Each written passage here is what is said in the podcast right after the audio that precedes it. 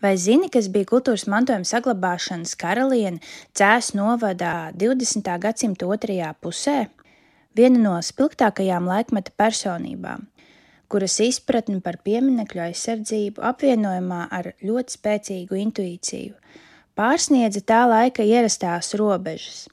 Bija cēsu vēstures un mākslas muzeja zonas kultūras pieminekļu aizsardzības sektora vadītāja Dace Puķīte.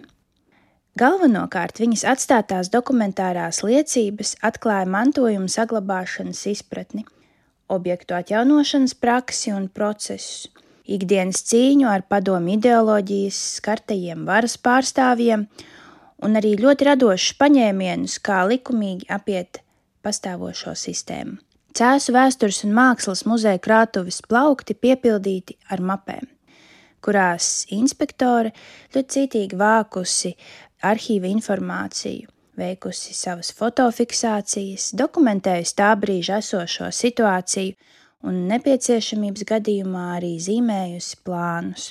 Tāpat savāktas arī arhitektoniski mākslinieckās izpētes.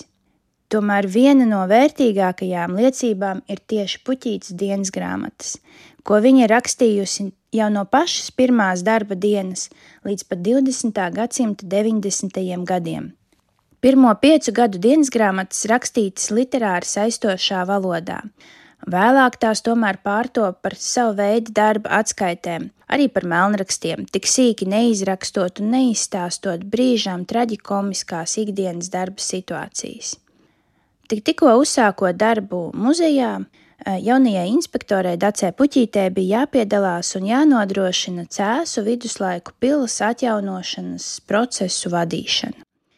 Cēsu viduslaiku pils restaurācijā 1973. gadā galvenokārt iesaistījās vietējie speciālisti, entuziasti un arī vietējā inteliģence.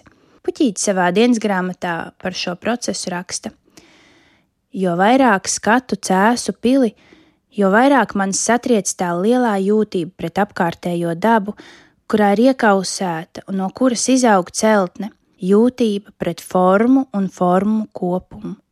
Tas viss savukārt pakļauts loģiskai konstrukcijai, katra jūtība pret detaļu. Ja runājam par arhitektūras un tēlotājas mākslas sintēzi, te tā ir, pie kam savā augstākajā izpausmē, kad mēs jau vairs neapjaušam, kur beidzās arhitektūra un sākās tēlniecība. Masu un proporciju kopums tverams no dažādiem skatu punktiem aizvien jaunā atklāsmē, pārsteidzot ar savu emocionalitāti jebšu smalki izsakoties, masu un proporciju kopums ieguvis nevien tehnisku un ideoloģisku, bet arī emocionālu attaisnojumu. Tas gan neatiecās tikai uz lielām masām un proporcijām, bet arī uz detaļām, līdz vissīkākajai. Un tad nu pienāk tas brīdis, kad mums šajā filigrānajā kopumā kaut kas ir jāpieliek, jeb jāatņem. Jebšu kā mēs šodien sakām, jāpārveido, jāpiemēro mūsdienu prasībām, Gandrīz lielāko tiesu ar to pašu pietiek, lai celtne būtu mirusi. Valmieras baznīca ir koncertzāle, Gaujienas parks izķidētā kapliča, alūksnes palmu māja, smukas lelles, bet dvēselīte ir nokauta. Rakņājamies ar mēslu dakšām. Katrs jaunievedums, vai nu lielāks vai mazāks, ir tikai butaforija, kuru iesēdināt mūsdienu aprēķinātājam, bet nejutējam ir grūti. Tā Dats Puķīte par to rakstīja 1973. gadā savas dienas grāmatas lapas pusēs.